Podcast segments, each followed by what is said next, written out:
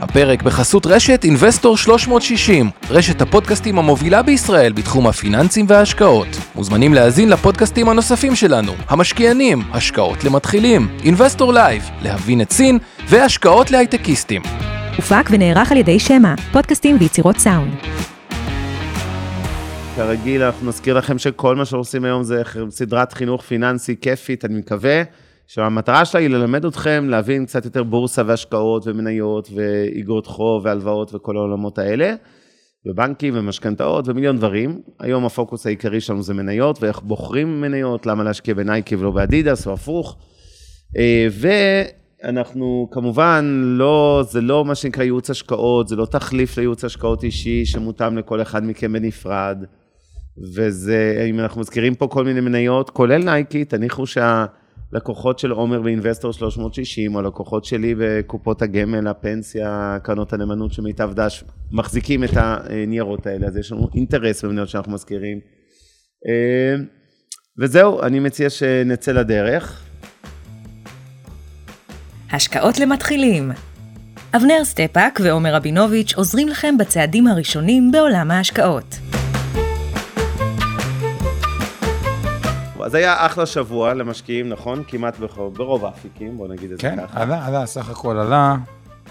אילון מאסק, חברך הטוב, קנה ביטקוין במיליארד וחצי דולר, והקפיץ את הביטקוין. כמה ביטקוין עכשיו? 40 ו... לא יודע, לדעתי מעל 45. אה, עלה, משמעותית. כן. מטורף. אני יכול להגיד לכם, אני אה, דירקטור בחברה ישראלית שקוראים לה איטורו, היא לא פונה ללקוחות ישראלים, היא פונה ללקוחות אה, מכל העולם, בעיקר מאירופה, שהרבה מאוד מהלקוחות שלנו שם, חברה גדולה, הם משקיעים בביטקוין. אה, קשה בארץ, הרבה חבר'ה שואלים אותנו איך משקיעים בביטקוין תכלס, האם אפשר להשקיע, אז התשובה היא שלא כל כך קל. למרות שאני מחזיק ביטקוין, אני יש לי שתי ביטקוין, אבנר. שני ביטקוינים? איך כן. הגעת לזה? לא יודע, אמרתי שלא, אחד נראה לי קצת מדי. זה, זה כמעט מיליונר עוד מעט, אם תמשיך להחזיק, יכול להיות שזה יהיה שווה... קניתי שני ביטקוין, כן. אמרתי שיהיה ככה. וואלה. טוב, אה, אוקיי, וגם המשקיעים בנסדק אה, רבו נחת, ובכל הבורסות לדעתי, נכון? כן, היה עליות, אבל היום אנחנו לא מדברים על העליות, אנחנו מדברים על... מניות. מניות ושיקולים לבחירת מניה. אז אוקיי. אה, אתה רוצה שנצטרך ישר למצגת, או שאתה רוצה אולי פרי סטייל, כל אחד יגיד שיקולים מבחינת מניה? כרגיל, אני אה, מזכיר בקצרה באמת, כי אתם כבר, חלקכם פה מפגש חמישי זה שלנו, כן, נכון? כן, כן, אמרנו נתמיד לפחות ב... כן. לא, לא, אנחנו נמשיך איתכם, לא לדאוג. בשלושה מפגשים. התחלנו okay. משלושה, יגיע ל-200. אבל אה, אני אגיד ככה. אה, שער זורק אה, התחייבויות ארוכות לא טווח. לא יודע, אני מתחייב, לא מתחייב בשמך. אוקיי. Okay. אבל אני חייב להזכיר את הנושא של ה... מה זה מניה לטובת אלה שהצטרפו אלינו, אנחנו נעשה את זה ממש קצר, כי הרבה מכם כבר שמעו את זה בעבר, ואנחנו לא צריכים כל הזמן לחזור, אבל בכל זאת, את הדברים העיקריים. מניה זה אומר שאתם בעצם שותפים בחברה. החברה הזאת נסחרת בבורסה. הבורסה, אני מזכיר לכולכם, זה שוק כמו כל שוק אחר, כמו שוק הכרמל ושוק הפשפשים וכולי וכולי, והסחורה שקונים בשוק הזה היא מניות. כשחברה מוציאה מניות, מוכרת מניות, היא בעצם מכניסה שותפים, והופכת מחברה פרטית לחברה ציבורית או בורסאית, אוקיי? ואז בעצם כל מי שמחזיק מניה, קודם כל הוא שותף בחברה. יש שלוש סיבות שאתם רוצים להשקיע במניה. הסיבה המרכזית והראשונה זה שאתם רוצים, שאתם מקווים שהמניה תעלה בבורסה, כלומר שקניתם אותה במחיר 10 שקלים, אולי בעוד שנה היא תהיה ב-12, אולי תהיה בעוד 10 שנים ב-30 שקלים והרווחתם הון עתק. וזה עליית הערך של המניה בבורסה. תכף נגיע למה משפיע, על, על מה גורם למניה בכלל לעלות. סיבה שנייה, זה כמובן מה שנקרא הדיבידנד. דיבידנד, אני מזכיר לכולכם, זה בעצם הרווחים שהחברה עצמה מרוויחה. נניח ניקח את נייקי שנדבר עליה היום, מוכרת נעליים וביגוד ספורט. אה, לצורך הדוגמה, היא, היא אה, מרוויחה מיליארדי דולרים בשנה, והרווחים האלה היא יכולה או להשאיר אותם בקופה, או לקנות איתם נניח חברות אה, מתחרות, או להקים עוד מפעלים, או לחלק אותם כדיבידנד לבעלי המניות. כלומר, לתת לכל אחד את החלק היחסי שלו בשותפות הזו שקוראים לה נייקי, לפי השיעור ההחזקה שיש לו, בעצם לקבל אה, אה, אה, תזרים שוטף פעם בשלושה חודשים, אתם תקבלו פתאום לחשבון הבנק כסף על כל מניה שהשקעתם. אגב, אני צריך להגיד, זה די נחמד, פתאום, הופ, קיבלת דיבידנד לחשבון הבנק, זה, זה נחמד, מקבלים... אני אה, מסכים. אה, מהבחינה הזאת זה... אני מסכים, ואני חושב שזה קצת מזכיר, תמיד אנחנו נותנים לכם את ההשוואה של דירות. בן אדם קונה דירה, נניח, להשקעה, לא למגורים. הוא מקווה מצד אחד שהמחיר של הדירה יעלה עם השנים, מה שבאמת קרה ב-10-20 שנים האחרונות. קרה בעשור האחרון. בדיוק כמו שהוא מקווה שהמניה תעלה. ומצד שני, הוא גם מקבל שכירות, שכר דירה כל חודש, זה כמו הדיבידנד. המרכיב השלישי והכי, והאחרון והכי פחות חשוב... אגב, שאלה ככה לזה, מה עשה יותר טוב מאז הקמת הבורסה? מי שקנה מניות, או מי שקנה דירה, לא רק עליית ערך, עליית ערך פלוס שכירויות. בואו נראה ככה את האינטואיציה, ושוק הנדל"ן כן, היה טוב. תענו לנו בצ'אט. תענו לנו בצ'אט. קניתם מניה? לא מניה, אתה מדע, אוסף של מניות. הרבה מניות, אוסף, כן, נגיד התל אביב, בזמנו היה תל אביב 100, זה המאה החברות הגדולות בבורסה, היום זה 125. נניח שהשקעתם בכזה מדד, או בנסדק, או ב-S&P 500, אה, השאלה היא איפה בעצם ראיתם אה, יותר כסף, בזה הרוב, או בלקנות דירה? הרוב כותבים מניות, ונכון, זה נכון, מישהו כותב נדל"ן. אורי כותב נדל"ן. זה פחות נכון. זה נכון. אבל אם תשאלו את ההורים... ביג טיים. נכון, אבל אם תשאלו... אבל למרות זה, כביכול, אם אה, ההורים ירצו לעזור לכם בכסף זה למשהו... לא רק ההורים, תשמע, אנחנו תמיד שוכחים, זה לא רק חבר'ה צעירים איתנו פה, ב, כן, אה, יש פה גם אנשים מבוגרים שפשוט אה, מתחילים. ואני חושב שהמבוגרים יותר יגידו תשובה אחרת.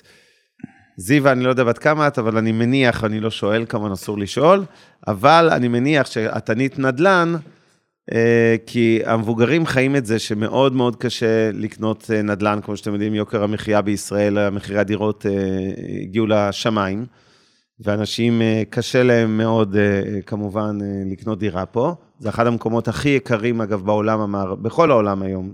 אני חושב שזה אפילו הכי יקר, אבל אם לא, זה בטוח בחמישייה הכי יקרה, במונחים של כמה משכורות צריך לדירה. ואז לכן התשובה הנכונה שלמרות העליות החדות בנדל"ן, שהמבוגרים תמיד יגידו נדל"ן, מניות עשו יותר, אבל נכון. זה נשים בצד.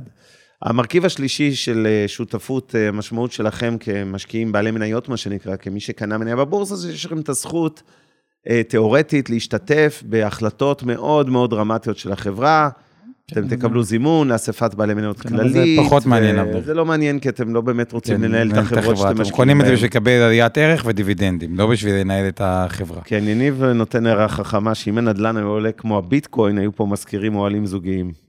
את ה... זה נכון, מצער ונכון. גם כתבו לי שאני באמת צריך לא לאבד את הסיסמה, ואכן צודקים. הסיסמה לקהוט? לא, לביטקוין. אה, לביטקוין, וואי, וואי, וואי, וואי.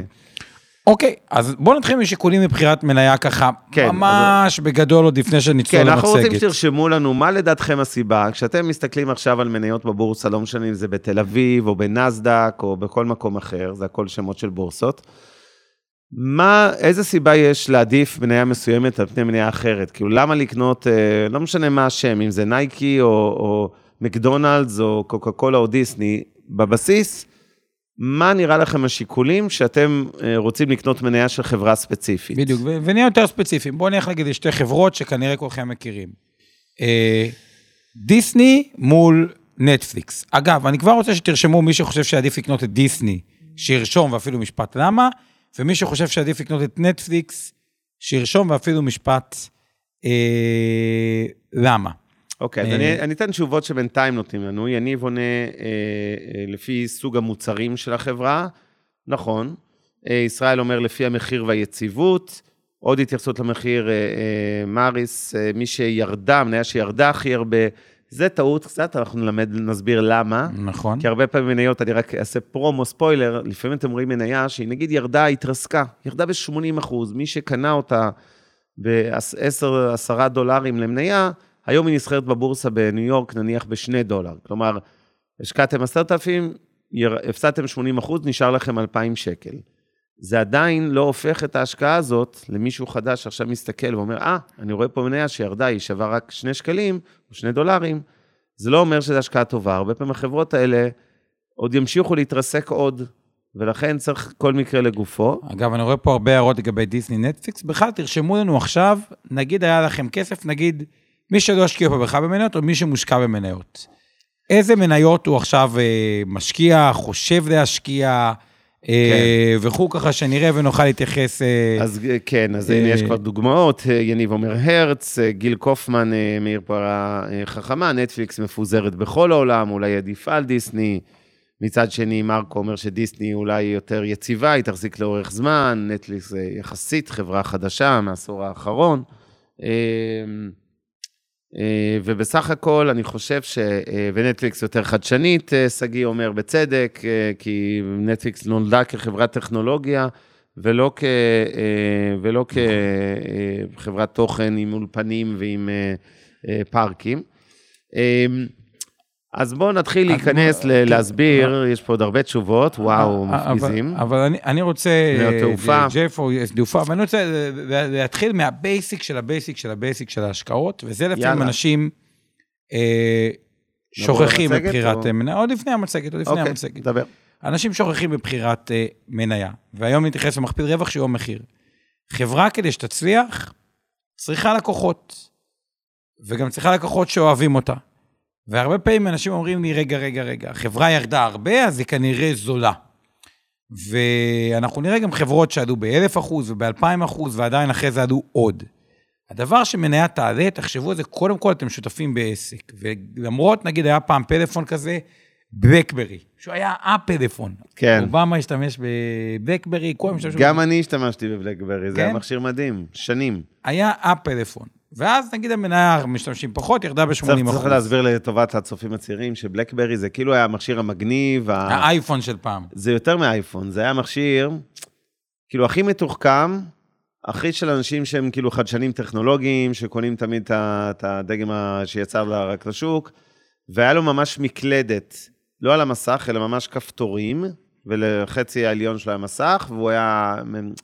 הוא היה, היה לו שרת מייל בתוך המכשיר, ובאמת היה מכשיר מדהים. אני רואה שאתה מתגעגע. אני מתגעגע, כן, תחזירו לי... אנחנו לא רוצים להסביר לנו את המפרט המלא. בסדר. של בלקברי. צודק. אבל הרעיון הוא, הרבה פעמים, עסקים, מניות שיורדות, זה כי אה, עסקים, הם פחות אוהבים, או יש להם פחות לקוחות, או פחות אוהבים אותם. אז אחת מהדרכים היא פשוט למצוא חברות שאתם אומרים, וואו, אני אוהב את המוצר הזה, אני גם מבין את היתרון התחרותי שלו. אה, אני מבין, כשיתרון תחרותי, מה העד שלו, וסתם אני אתן את זה כ, אה, כדוגמה פשוטה. יש מנוע חיפוש שנקרא יאו, ויש מנוע חיפוש שנקרא גוגל. אתם מסכימים איתי שהמנועי חיפוש אה, עלו? כנראה שיאו עלתה פחות מגוגל, או שיאו ירדה וגוגל עלתה. נכון. זה שיאו ירדה, הוא לא הופך אותה לזולה יותר, להפך. פשוט הרבה פחות אנשים השתמשו ביאו, וכולם הלכו לגוגל. אז הדבר נכון. החשוב ביותר הוא שהחברה תהיה טובה ויתרון תחרותי, ואני רוצה רק אה, לתת לכם איזה שלוש ככה נקודות יתרונות תחרותיים מובהקים, להכניס אתכם לחשיבה. כן. אז יתרון אחד הוא מותג. אה, ואני רוצה רגע לתת הגדרה ספציפית למותג ולשאול אתכם את השאלה הבאה. מי חושב שפורד או ג'נרל מוטורס, אם שמעתם על החברות מכוניות האלה, זה מותג. פורד או ג'נרל מוטורס, האם הם מותגים? אה, בואו נראה את התשובות שלכם. אה, כותבים כן, לא, כן, לא, כן, כן, כן. כותבים כן, והרוב כן, כן, כן. לא, לא, לא, לא, לא, לא, לא, הם טועים במונחים שלי. רגע, אני אסביר שזה נקרא. אתה רוצה לבלבל את השכל עכשיו. שנייה, שנייה, לא, לא, שנייה, אני אתן איזה הגדרה ספציפית, זה לא לכיוון שאתה חושב. כל מי שענה כן, צדק. שנייה, שנייה, שנייה, שנייה. לא לכיוון חושב שאני לוקח את זה, לכיוון אחר. עוד שאלה, כדי לחדד את זה עוד יותר. האם סלקום או פלאפון הם מותג? האם סלקום או פלאפון הם מותג? אוקיי? כותבים לו לא, כן, כן, כן, כן. כן אז אבל, התשובה, שנייה, כן, אז התשובה היא שנייה. אז התשובה שלי היא לא, ואני רוצה רגע להסביר. מבחינתי מותג, אוקיי, בשוק ההון שמסתכלים על חברה, הוא כאשר יש מוצר דומה או זהה, שאתם מוכנים לשלם עליו מחיר גבוה משמעותית. מה הכוונה? אם יש לנו פורד או מזדה, אף אחד לא מוכן לשלם על פורד מחיר שהוא פי שתיים ממזדה. הדוגמה היותר טובה שאני רוצה להמחיש את זה, אה, וזה שתי דוגמאות, נגיד קולגייט מול אקווה פרש. אתם מסכימים איתי שקולגייט עולה פי שתיים מאקווה פרש? אני מאמין לך. כן, בדקתי את זה פעם אחת. אוקיי. יפה. ולמרות שקולגייט יותר יקרה מאקווה פרש, כשאתה בא לקחת משחת אה, אה, שיניים, לאן היד שלך נמשכת? לקולגייט או אקווה פרש? זה רוב האנשים. סלח לי, אבל אני... אה, מותגים אצלי זה בעולם האופנה, במכשירי סלולר, זה לא ב... בסדר, אז אני אומר ככה, לא אנשים מוכנים לשלם, למרות שיש מוצר דומה שנקרא אקווה פרש, מוכנים לשלם יותר. אגב, יש גם קולה קריסטל וקוקה קולה. רוב האנשים, למרות שקוקה קולה יותר יקרה מקולה קריסטל, עדיין מעדיפים קוקה קולה. רוב האנשים, למרות שנייקי הרבה יותר יקרה מאשר בנעליים, מאשר, תן לי מותג כזה של נעליים לא מוכרות. אה, נעליים זולות? גלילי, כי גלילי היה פעם ישראלי כזה. לא. נעליים. מה? גלי. גלי. גלילי. אוקיי, גלי. כן. גלי יותר זולים מנייקי. נכון. ולמרות זה, הרבה אנשים, למרות שזה, אה, או, או פומה, עדיין אנשים ילכו לנייקי. כלומר, מבחינתנו מותג זה משהו שיהיו מוכנים לשלם עליו יותר כאשר יש מוצר דומה. זה נגיד יתרון אחד. רק הסתייגות, כי יניב העירה חכמה. זה גם שאלה של מקום. יכול להיות שמותג שבישראל הוא מאוד חזק יהיה חלש בחו"ל. אמריקאים, למשל, מתייחסים למאזדה כמו איזה נייר טואלט, זה מבחינתם האוטו בערך הכי גרוע נכון. בעולם, תת-רמה, והם ישלמו על פורד, שזו חברה אמריקאית, הרבה יותר מאשר על מאזדה. נכון. בישראל, עכשיו, לדעתי, עכשיו, זה כמעט הפוך, עכשיו, זאת אומרת, או לפחות. הם דומים, הם לא, אף אחד לא יגיד ש... כן... מסכים עם מה שאבנר אמר, ויותר מזה, יש הרבה אפור באמצע. כלומר, מה הכוונה אפור? יש גם ברמה של מותג, יש מותג חדש. אי אפשר להגיד שפורד הוא בכלל לא מותג, אבל הוא לא מותג מאוד מאוד חזק, שאתם תוכלו לשלם עליו מחיר פרמיה מאוד מאוד גבוה, כשיש מוצר דומה. העוד יתרונות תחרותיים מובהקים, הם סתם דברים שתחשבו על זה, זה נקרא eye switching cost, דברים שמאוד קשה להתנתק מהם.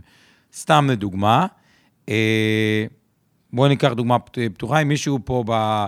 אה, יודע מה זה מערכות מידע, או, או מערכת ניהול לקוחות, או דאטאבייסים, או כל מיני מילים מפוצצות כאלה, אז כן. לחברות מאוד קשה להתנתק מזה. אז once חברה חדרה עם מערכת ניהול לקוחות, נכון. מאוד מאוד קשה להתנתק מזה, זה גם סוג כן, של... כן, הנה, הם נותנים פה דוגמה טובה, חילן, חילן, חילן זו חברת אה, נכון, תוכנה נכון, ישראלית. ש... מאוד אוהב את התשובות שאני רואה פה. כן. אה, חילן היא דוגמה אפשר לפטר את הסמנכ"ל כספים, אבל אי אפשר לפטר את חילן. זה הבדיחה של ה... כן. כמה סמנכ"לי... אה, כמה יש אה, תלות בחברות האלה, סיילספורס, סאפ, כל נכון. המערכות האלה. ברגע שאתה מתרגל נכון. אליהן, קשה להחליף. דרופבוקס, מי שמכיר, הענן, אני למשל מאחסן את הדברים שלי על דרופבוקס.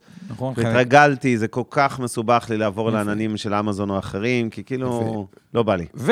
ודוגמה אחרונה, נקרא לזה אפקט הרשת. מה הכוונה אפקט הרשת? אפקט הרשת הוא כזה אפקט שגם אם יש מוצר אחר שהוא יותר טוב, עדיין בגלל שהוא נדרש מסה קריטית, כלומר סוג של אה, סטנדרטיזציה, מאוד קשה להחליף אותו. דוגמה טובה, האם יש כאן מישהו שבמקרה יש לו זום? התשובה היא כן, עובדה, אנחנו פה בזום, איזה הפתעה, הפלא ופלא.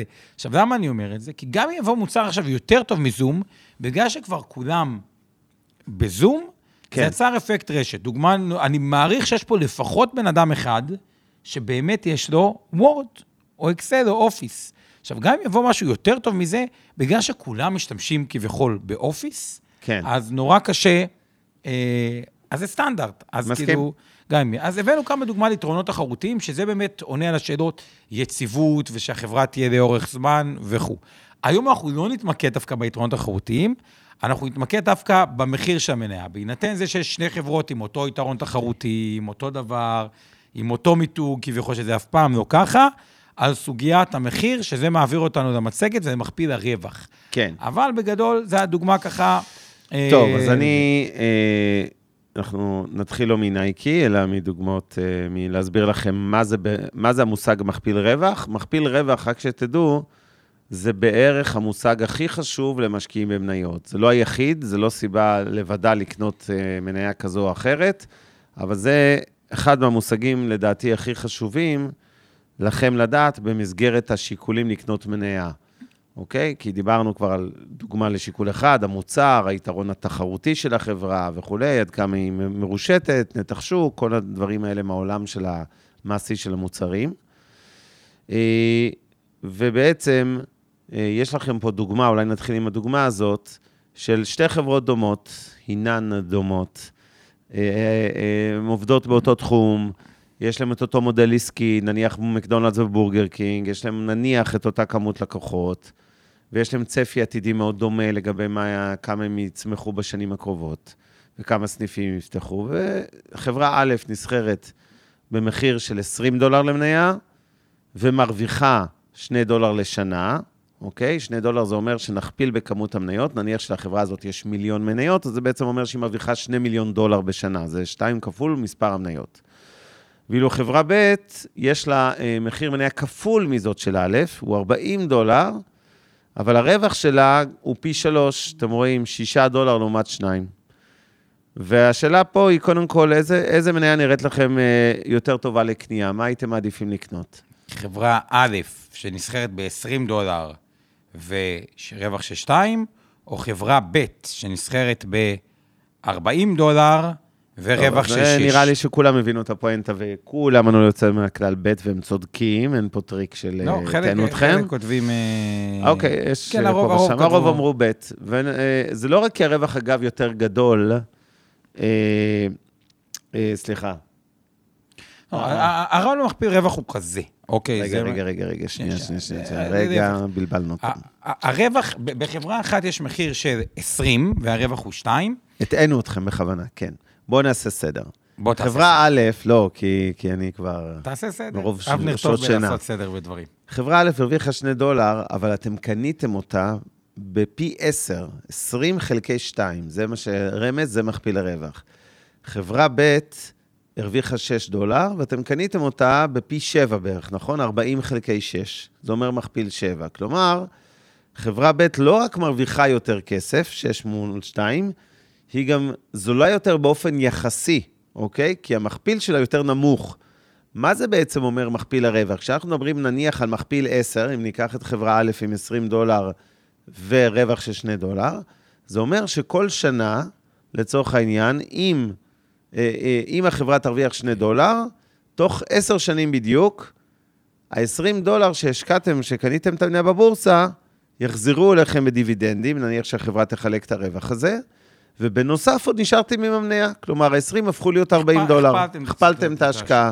עשיתם 100% בעשר שנים, זה בערך 7% נניח לשנה, כי יש לנו מה שנקרא ריבית דריבית, נכון. כל שנה אה, הרווח על כל המאה. אינטואיציה. האם מכפיל 10 הוא מכפיל גבוה או מכפיל נמוך, בהנחה שחברה היא יציבה, היא לא צומחת הרבה, אבל גם לא. האם מכפיל 10 הוא מכפיל גבוה או נמוך? האם זה מחיר אטרקטיבי או מחיר לא אטרקטיבי? אה, אז בואו נראה ככה קצת מה אתם כותבים, זו שאלת אינטואיציה. תמיר נותן פה תשובות חכמות מדי, אבל תמיר, המבצע אסור להשתתפות אה, בני משפחותיהם וכולי, אתה מקצוען מדי. אז, אז כותבים פה, הרוב כותבים מכפיל, חלק כותבים נמוך, חלק כותבים גבוה, חלק כותבים אוקיי. אטרקטיבי. אז רגע, רגע, לפני שאומרים את התשובה, אני, אני רוצה רגע שנעבור. אם הרווחנו שני שקלים, אה, החברה שווה 20 והרווחנו שני, אה, שני שקלים. אז ניקח 2 מחלק ל-20, רגע, לחלק למחיר המניה, זה תשואה של 10% בשנה.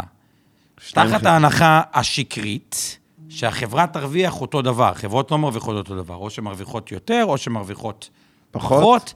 שוב, קשור ליתרון התחרותי ולדברים האלה, אבל זה לא הנושא היום, אנחנו נגיע לזה בשיעורים יותר, אה, בשיעורים הבאים. אבל לקבל היום 10 אחוזים בשנה, תשואה שוטפת, זה לא קשור לרווח הון, אפשר לחלק את זה כדיבידנד, זה יכול להצטבר בחברה בשביל התפתחות, היא תשואה לא רעה בעולם של ריבית אפס.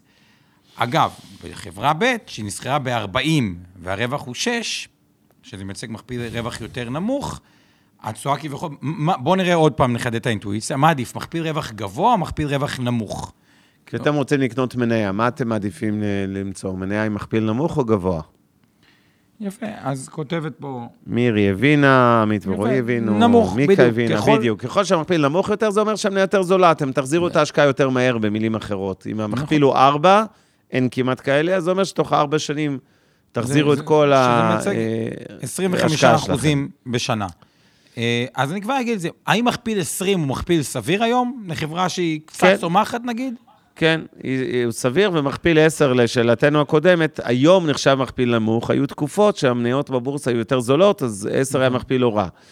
אה, אפילו קצת גבוה. היום הוא מכפיל נמוך יחסית. אז רק כדי לסדר את האוזן, גם חברה במכפיל 20, בהנחה שיש צמיחה, אפילו צמיחה אנמית, שמציגה 5% בשנה, זה לא כזה נורא, יחסית לאלטרנטיבה שהיא פיקדון אה, בבנק.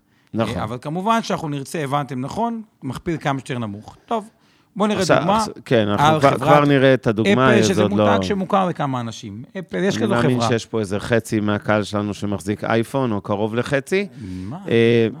הרבה פחות. הרבה פחות. חצי אייפון, הגזמת לדעתי. סליחה, אז מה- לי שאולי, לא יודע. אני לא אייפוניסט. בכל מקרה, אני גם... אמ, הנה, כבר יש לנו שניים.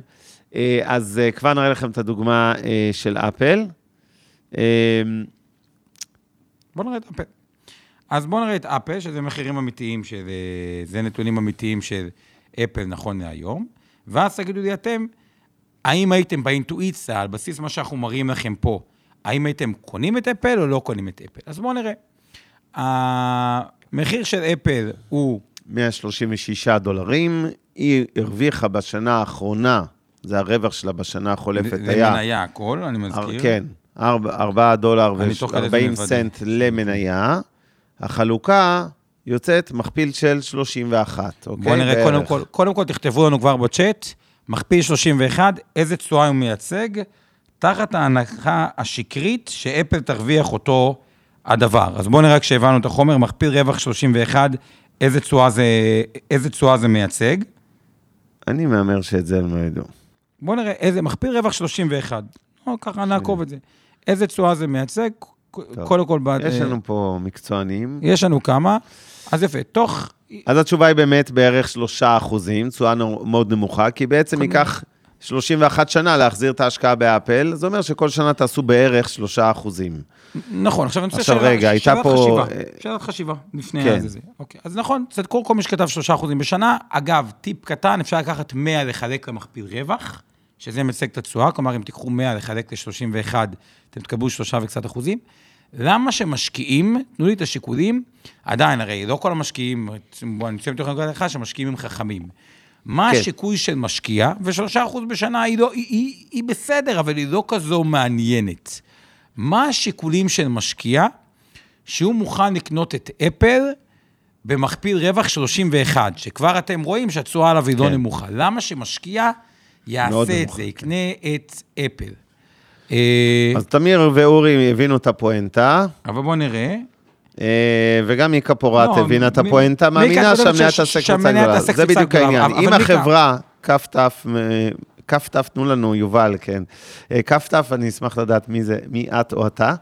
בכל מקרה, גם עמית ורועי צודקים. בקיצור, אם אתם מאמינים שאפל תצמח יותר, ובשנה הבאה היא תרוויח יותר מאשר בשנה שעברה, ובעוד שלוש שנים היא תרוויח עוד יותר מהשנה הקודמת וכולי, כלומר, היא תהיה במגמה של צמיחה, שהרווחים שלה הולכים וגדלים משנה לשנה, אז מה שהיום נחשב כמכפיל גבוה 31, שמשקף תשואה מאוד נמוכה של רק 9 אחוזים, אה, אה, רק 3 אחוזים, סליחה, יכול להיות שמעשית תיתן לכם 6 או 7 או אפילו 10 אחוזים, אם החברה באמת תמשיך לצמוח. עכשיו, אף אחד לא מתחייב לכם שאפל תמשיך לגדול ולגדול כל שנה כמו שהיה בשנים האחרונות, אבל מי שמאמין שזה מה שיקרה, אומר לעצמו, אוקיי, המניה לא כל כך יקרה, כי אה, היא יכולה אה, להמשיך לעלות, כי הרווחים שלה ימשיכו לגדול, המכפיל רווח בעצם ירד, המכפיל קדימה, לא המכפיל לאחור, והחברה משתפרת וכולי.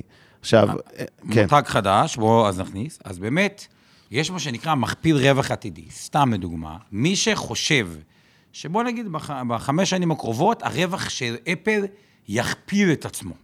יהיה פי שתיים. אז פתאום היא כבר לא מרוויחה 4.38, כמו שאנחנו רואים בדוגמה, החברה תרוויח יותר, לדוגמה, שמונה וחצי או תשע, ואז כביכול אומר, רגע, נכון שאני קונה היום מכפיל רווח גבוה של 30, אבל אם הרווח יכפיל את עצמו בחמש שנים, אני בעצם קונה מכפיל רווח עתידי של 15, כלומר, הרווח כפול, אז המכפיל אה, יורד יחסית לרווח העתידי, שזה קצת יותר אה, סביר. אבל בואו נראה עוד טיפה, בסך כן. הכל בכל נתונים, וחלקכם מכירים את אפל. מי פה חושב שאפל היא קנייה טובה במכפיל רווח 31? נכון אחרי זה אני גם להיום, שאתם. חושבים שהיא מניה טובה. מי חושב שהיא חברה שמצדיקה את מכפיל רווח ה-31? אה, עמית ורועי כתבו שהם זורמים עם זה, בואו נראה. טובה, טובה, דניאל טובה, דניאל בואו נראה מה טובה. עוד. מצדיקה, אה, יעקב רושם שמצדיקה, אה, כותב פה... כי זה מותג חזק, יובל צרור אומר. כותב פה מישהו, דעתי זה כיוון. של אה, אה, בועה, אז ככה, אתה רוצה להגיד לי דעתך או שאני אגיד לי דעתי? אה, תתחיל אתה. אוקיי, אולי פעם אחת שנינו- שני- שנינו נחשוב אותו דבר גם. זה אני, ואבנר בדרך כלל לא מסכימים אחד עם השני, אז אני אתחיל. אני חושב שזה מעט יקר מדי, ואני אסביר. אני, לא, אני חושב שהיתרון התחרותי של אפל הוא פחות חזק ממה שעושים ממנו. מה הכוונה? זה לא כמו חברת תוכנה, שבאמת מאוד מאוד מאוד קשה להתנתק ממנה.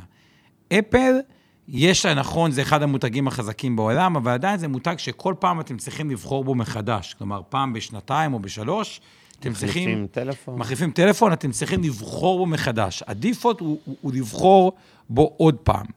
בניגוד לתוכנה, שה default הוא כאילו... למה שאני... אה, להחליף, אה, התרגלתי ל Office, אני לא אעבוד עם גוגל לא- Sheets או אחרים. אני לא אע- אעבוד עם אה, Google Sheets. ואני חושב שבמוצר, עכשיו, המוצר הוא גם יחסית יותר יקר, וכשאני מסתכל היום על פלאפון, אני כעומר, כל אחד גם בהשקעות לפי מה שהוא צורך, אני כעומר, אומר, וואלה, הסמסונג שלי הוא, אה, יש לי גלקסי לדעתי 20, זה מה שזה, יכול להיות שיש 20, לא יודע. אני חושב, או 21, 20, כן, לא נורא. לא משנה, הגלקסי שלי עובד לי בסדר, הוא יותר זול מאפל, אני לא רואה מוטיבציה לעבור לאפל. לעומת זה, אני חושב שאנשים אומרים, וואלה, אולי אני אעבור לסמסונג, שהוא גם פלאפון טוב, יותר זול, הוא גם מתממשק עם כל הדברים, וה, ואני חושב שבמכפיל 31, שזה מייצג תשואה של 3% בשנה, לדעתי, מעט גבוה מדי שאני מסתכל. עכשיו, אני כן מקווה שמישהו יחשוב אחרת ממני, כלומר, יגיד, מה פתאום, אני באפל, אין סיכוי שאני עוזב את אפל, אתה לא מבין את אפל מספיק טוב, יש להם... אה, ויותר אה, אה, מהבחינה הזאת, ו- וזה מה שיפה בשוק הזה. כל אחד לפעמים יכול לחשוב שונה, ובגלל זה יש... זה כן, שוק. אז במקרה הזה אני ממש מסכים עם עומר, אפל היא מניה בעיניי די יקרה, בכנות, למרות שיש סיבה סבירה להניח שהיא תמשיך לצמוח, עדיין זו מניה יחסית יקרה. אה, אבל בסדר, אני רוצה לענות פה קצת לשאלות. אז אה, לגבי המושג תשואה, שי מבקש, מבקשת שנזכיר עוד פעם מה זה תשואה. תשואה זה תשואה רושמים, וזה בעצם הרווח שבאחוזים שעשית על ההשקעה שלך. אם השקעתם אה, עשרת אלפים שקלים, ונניח שהמניה עלתה בבורסה, ויש לכם עכשיו 13,000 שקלים, כלומר הרווחתם 3,000 שקל, זה הרווח. באחוזים, 3,000 ל-10,000 זה 30 אחוז רווח, זה בעצם התשואה, שיעור פלוס- הרווח שהרווחת. פלוס הדיבידנדים, או שלילית. כמובן. פלוס כן. הדיבידנדים. אם גם קיבלתם דיבידנד בדרך, אז אולי זה 40 אחוז, כי גם קיבלתם 1,000 שקל דיבידנד נניח בשנה החולפת. כמובן שתשואה יכולה להיות גם שלילית. יכול להיות שקניתם אותה מניה ב-10,000, והפסדתם 20 אחוז, כלומר תשואה שלילית של 20 אחוז, ויש לכם עכשיו רק 8,000 שקל, גם זה קורה. אולי זה באמת המקום להסביר לכולם ולהזכיר לכולם שמניות, אתם יודעים, בשנה האחרונה כולם מדברים על מניות, וזה כל הזמן נראה שזה רק עולה ועולה ועולה. אז לא, יש גם שנים וחודשים וימים שאתם תפסידו כסף, ולפעמים אפילו הרבה כסף במניות. אני אזכיר שב-2008 אנשים הפסידו 40-50 אחוז מההשקעות שלהם בבורסה במניות, אוקיי? זה קורה, אז זה אה, צריך זה. זיו מאיר שלא קונים מניה רק לפי מכפיל רווח, ברור, ברור. זה רק שיקול זה אחד שיקול מהותי, אה, עם עוד הרבה אוקיי. אה, שיקולים אחרים. אה, לגבי מי קובע את מכפיל הרווח העתידי, זו שאלה חשובה. יש מקצוע שקוראים לו אנליסטים. אנליסטים זה חוקרים של מניות, שהם בעצם ממליצים אם כדאי לקנות מניה כזאת או אחרת, או לא. חוקרים של מניות, אהבתי. כן, אהבתי חוקרים. כמו שיש מדענים בתרופות, יש מדענים, חוקרים של אה, מניות, ואצלי, למשל, במיטב דש, יש הרבה כאלה אנשים שזה התפקיד שלהם. וכל אחד יש לו איזו התמחות, אנליסט אחד מתמחה במניות של חברות נדל"ן, והוא מבין בדירות ובקניונים וכאלה, והוא אומר- האם עדיף להשקיע בעזריאלי, נניח, רשת קניונים, או במליסון. שזה קניונים, קניוני עופר, שאתם מכירים, המתחרים של עזריאלי. ויש לי אנליסטית שמתעסקת באופנה ובודקת חברות כמו פוקס וקסטרו וכולי. עכשיו, מה התפקיד של אנליסט, חוץ מלהמליץ? איך הוא עושה את זה? הוא בעצם מנסה לחזות קדימה, הוא קורא קודם כל את ההיסטוריה של החברה, רואה כמה היא הרוויחה בתקופה האחרונה, אבל גם בעיקר, מה שחשוב זה, הוא מנסה לנבא קצת את העתיד, כמה החברה הזאת, האם היא עכשיו במגמה שהיא אה, תרוויח יותר בשנה הקרובה, או שהפוך, חלילה היא בהתכווצות, בבעיות, ובעצם האנליסט בסוף אה, אה, מנסה להגיד, אוקיי, מה, מה, מה, כמה הוא חושב שהחברה תרוויח בשנה הבאה. לוקחים את הציפיות של כל האנליסטים, בישראל או בעולם, ואומרים, נניח ניקח את מניית נייקי, עוקבים אחריה מעל אלף אנליסטים בעולם, כולל פה אצלי, כל אחד יש לו הערכה לגבי מה יהיה הרווח שלה נניח ב-2021. כאילו הרווח קדימה. הממוצע של כל התחזיות האלה, נניח שכולם חושבים שנייקי תרוויח מיליארד דולר השנה לדוגמה, ונניח שהיא נסחרת במחיר של היום 20 מיליארד דולר, זה לא נכון, זה סתם דוגמה פיקטיבית, אבל לשם הדוגמה, אז בעצם, אני מזכיר, היא נסחרת מכפיל 20, נכון? 2 מיליארד, 20 אה, מיליארד חלקי מיליארד, אבל זה מכפיל 20 על הרווח העתידי שלה. יכול להיות ששנה שעברה היא הרוויחה רק חצי מיליארד, והיא הייתה אז במכפיל 40, היא עכשיו במכפיל 40 על ההיסטוריה שלה, אבל זה מכפיל הרבה יותר נמוך על העתיד שלה. לכן, ככל שחברה צומחת יותר מהר, בעצם המכפיל של העתידי יהיה יותר נמוך מהמכפיל שהוא היום. כי אם כולם חושבים שהרווחים שלה יגדלו משמעותית, אז גם אם אני קונה היום את המניה שלה, בעצם, גם אם המכפיל ההיסטורי, אחורנית, הוא גבוה, המכפיל קדימה יהיה נמוך משמעותית. אגב, עוד דבר אחד לפני שעוברים, אה, בשוק הזה באפל, אז יכול להיות שבאמת אני מקבל את זה, בסוף השקעות זה עולם של אלטרנטיבה. כלומר, יכול להיות שיבוא פה משקיע ואומר, רגע, הכסף שיושב בבנק עושה לי אפס. אפל, אני מכיר אותה, אני אוהב אותה, עושה שלושה אחוזים תשואת רווח, ועוד לדעתי היא תצמח. וואלה, זה הרבה יותר טוב מכסף בבנק, אני מקבל את זה. השאלה היא, בתוך האלטרנטיבות, אם משווים אפל לפיקדון, כנראה שאפל הרבה יותר אטרקטיבית. אבל אם אני אשווה את אפל לחברות אחרות, שלדעתי אולי נסחרות. במחירים יותר טובים ויותר אטרקטיביות, אז אולי פחות אטרקטיבית, וזה עוד שיקול, כאילו, בתוך השוק. זה גם מה האלטרנטיבות, ואני חושב שהרבה מאוד דווקא מהמותגים הסופר חזקים, ונראה את זה עם נייקי, מכיוון שכל החבר'ה שרק מתחילים השקעות, ילכו בעיקר למותגים שהם מכירים, שהם מכירים, שהם אוהבים. אז המותגים האלה טיפה עלו אפילו... אה, קצת אה, יותר אה, מדי. אה, כן, אבל עדיין יחסית אה, מזומן. טוב, בוא, אוקיי, בוא, בוא, בוא נמשיך קצת קדימה. אוקיי, זה אבל... הפתרון לחידה שלנו ממקודם. אתם רואים מכפיל של חברה א' הוא 10, חברה ב' מכפיל יותר נמוך, אתם מחפשים מכפיל נמוך, זה דבר ראשון. אוקיי, אז בואו נמשיך קצת קדימה. הלאה. אה, למה מכפיל רווח כל כך חשוב? כי אה, קודם כל, אתם רואים פה איזה גרף כביכול של מניה, של ליתר דיוק של המכפיל של המניה, אוקיי? ואתם רוצים לקנות אותה כמה שיותר כשהמכפילים נמוכים, ולמכור כשהיא בשיא, כאילו, כשהמכפילים אה, הם יותר גבוהים. מבחינת, וכמובן, כן, זה דבר חשוב, יש פה הערה שכל תעשייה, לכל תחום יש מכפיל רווח שונה. לדוגמה, יכול להיות שמניה אה, שהיא אה, מניה של, אה, בתחום האופנה, מכפילים יותר נמוכים מאשר בחברות הייטק, אוקיי? למה? כי חברות הייטק צומחות הרבה יותר מהר מחברות האופנה. לכן, אם נבדוק ממוצע של רוב חברות ההייטק, באמת נראה שהן נסחרות במכפילים הרבה יותר גבוהים, כי הציפיות שהן ירוויחו הרבה יותר בעתיד. לעומת זאת, נייקי כנראה... גם אם היא צומחת, היא צומחת לאט, היא לא תרוויח פתאום כפול בשנה שעברה ממה שהיא הרוויחה השנה וכולי. וזה חלק מהעניין, שככל שענפים הם בצמיחה יותר מהירה, ככה המכפילים יותר גבוהים.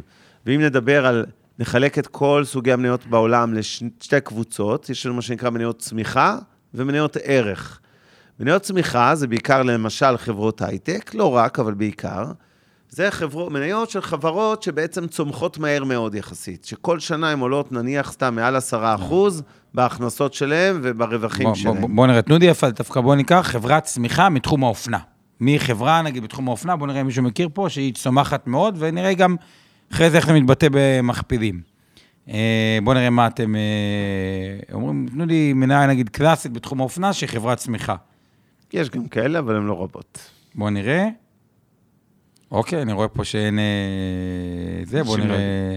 אנשים... קלווין קליין. אדיקה. אדיקה היא דוגמה לא רעה, אוקיי, לא רעה, תנו לי עוד. נגיד, לולו דמון, למי שמכיר. ג'יוקס, ענת אומרת. אחלה מותג נעליים. לולו דמון נגיד. אה, פוקס התכוונה, סליחה, יש גם ג'יוקס אירופאי. גם Under Armour, זה חברות נגיד שצמחו הרבה יותר מהממוצע אה, של האופנה. אוקיי, בואו נחזור רגע, אני רוצה שנעבור רגע הסיפור של אה, נייקי, אה, שנראה ככה קצת אה, מניה ספציפית, ו... אוקיי. באמת נראה ככה מה היא עשתה. כן. פוקס היא דוגמה טובה. אגב, שפוקס- הרבה מהחברות שמוזכרות פה, תדעו, לא כל חברה היא בבורסה. טומי הילפיגר, למשל, רוב העסקים שלהם לא בבורסה בכלל. עדיין זה לא אומר שהיא לא חברה צומחת, היא פשוט לא ניתן לקנות את המניות שלה. עכשיו, הנקודה היא גם, אנחנו לא חיים בוואקום. מה הכוונה ואקום? זה דווקא שקף שאני אוהב, תחזיר רגע למעלה. מה הכוונה? יש פה איזה קו אדום. מה הקו האדום אומר? זה נגיד, אה, מכפיל ה market price. כלומר, גם מכפיל הרווח, הוא מתייחס לפי, ה- לפי מניה, כשהשוק הממוצע, שכל המניות נסחרות במכפיל רווח 20, אז פתאום מכפיל 15, הוא נחשב למתחת הממוצע. אבל הרעיון הוא ברור, לקנות בחברות במכפיל רווח כמה שיותר נמוך, זה יתרון. בואו נראה לו טיפה למטה. אה, אז פה אנחנו רואים גם שברמת השוק, מכפילי הרגל מאו- מאוד שונים. כלומר, יש תקופות שבהן מכפילי השוק אופטימי, כמו עכשיו, אז המכפיל רווח הוא גבוה, שוק יותר מסוכן, נגיד מכפיל 31, ויש תקופות שבהן מכפיל הרווח הוא נמוך. לדוגמה, אם אנחנו נחזור לשנת 1980, מכפיל הרווח היה, של השוק, היה 10. כמובן שמכפיל הרווח 10, נורא כיף להיכנס לשוק, כי הוא מכפיל רווח מאוד אה, אה, נמוך. זה גרף שמראה בעצם מעל 100 שנים, 140 שנים, יש, בורסה זה לא דבר חדש, אז זה 140 נכון. שנים של מכפילי הרווח של המניות. ואתם רואים שיחסית לציר ה-140 שנים האלה, היום אנחנו יחסית באז- באזור הגבוה יחסית של הגרף, מה שאולי מרמז שיכול להיות שאנחנו מסוכן. לפני גם ירידות, כי השוק יותר אה, מסוכן, כי הוא יקר. מסוכן. יבואו כאלה שיטענו ותמיד יגידו, רגע, רגע, רגע, עכשיו יש טכנולוגיות חדשות ויש דברים, בגלל זה אנחנו בתקופה שונה, אז תמיד אומרים את זה. אוקיי, בואו ניקח שתי חברות שימחישו זה. הרכב. אוקיי. אחת היא טויוטה והשנייה היא טסלה. קודם כל, מבחינת מותג, איזה חברה יש שם מותג יותר חזק, אה, חזק או צומחת יותר, או יותר, אה, אה, נחשבת יותר חדשנית? בואו נראה את התשובות של כולם, וכמובן, בואו נראה, בואו נראה מה האנשים כתבו פה. אז הרוב כתבו, שיין, יפה, טסלה, טסלה, ברור, טסלה, ברור, לא ש- הרוב, כולם כתבו. כולם, לא, כתוב, כתבו גם ככה כמה אה, אה, טויוטה, אבל נכון. אבל הנקודה היא שאנחנו באים להשקיע בחברה, השאלה אם המכפיל מצדיק. ו- ואני רוצה להראות לכם קצת את המכפילים, ומה אומר לפעמים החברה טובה, ואין ספק שהמוצר של טסלה אה, הוא מוצר אה, טוב. אגב, איך שפרסמו את הטסלות, סוף סוף החלפתי רכב, אחרי שכל הזמן... זה אחד הישראלים הראשונים שקנה טסלה. כן, במקום הרנו קוויו, שכולם אה, זה, אבל... הגיע הזמן, אה, מברוק. כן, אז אה, מהבחינה הזאת, בואו נראה שזה בכלל מגיע לארץ, ושיאשרו, הרי ביוקרטיה בישראל, אמרו מרץ, אבל אה. אמרו, איזה מרץ? יש מרץ? אמרו שזה יגיע במרץ. אבל איך תדע אם זה יהיה מרץ 2022 או וואלה. 2021? אז בהצלחה שיהיה לך. אבל מקסימום יפה. תיסע באוטובוס, לא נורא.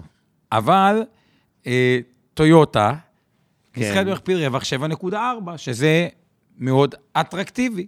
סופר זול ולעומת יחסית פה לטסלה. טסלה, נסחרת במכפיל 171.13, שזה אומר 171 שתוך 171 שנה, שנה נחזיר את ההשקעה, בהנחה שהרווחים יישארו אותו דבר. אז נקודת המוצא כמובן, למה שמשקיע יקנה טסלה, אוקיי?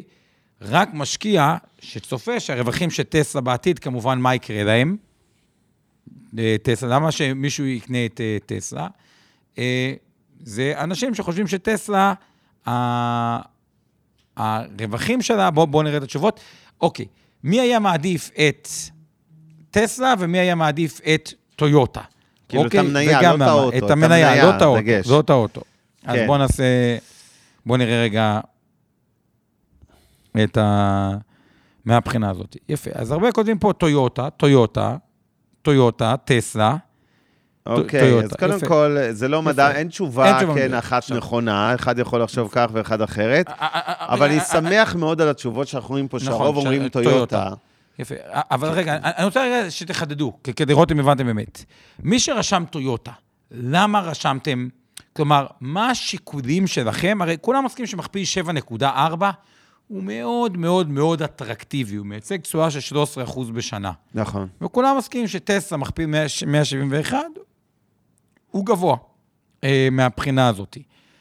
מה השיקולים של מי שקונה טויוטה, לקנות טויוטה, ומתי הוא יפסיד כסף, ומתי הוא ירוויח כסף, נדבר על זה רגע, ומה השיקולים של מי שקונה טסלה וירוויח כסף, ומתי הוא יפסיד כסף. אז בואו נתחיל מטויוטה.